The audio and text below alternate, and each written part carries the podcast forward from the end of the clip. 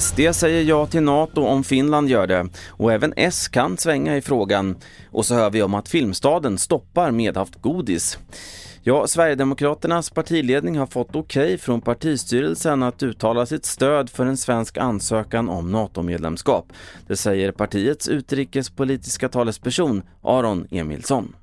Ja, vi har eh, i verkställande utskottet nu beviljats ett eh, manöverutrymme och ett mandat från partistyrelsens sida att om eh, Finland signalerar ansökan om NATO-medlemskap här i närtid så är vi beredda att uttrycka eh, detsamma från Sverigedemokraternas sida, det vill säga att Sverige då bör ansöka om medlemskap i NATO. Och det här innebär i sin tur att det finns en riksdagsmajoritet för ett svenskt NATO-medlemskap.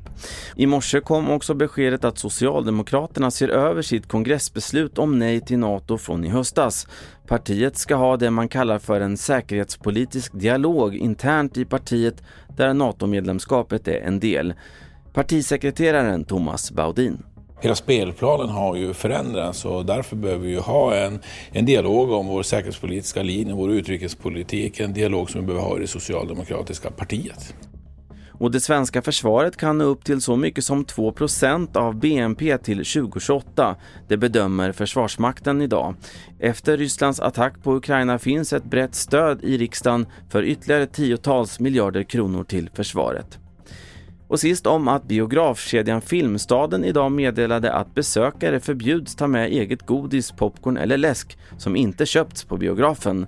Det här möter kritik från flera håll, bland annat från Masoud Hematian som driver en kiosk intill ett av Filmstadens biopalats i Göteborg. De kan inte göra så här, därför det är fri land här. Det är jättedåligt beslut. Men de har, eh, vi har godis och dricka. Men de har popcorn, de har varm popcorn. Vi har inte i butiken varm pop popcorn.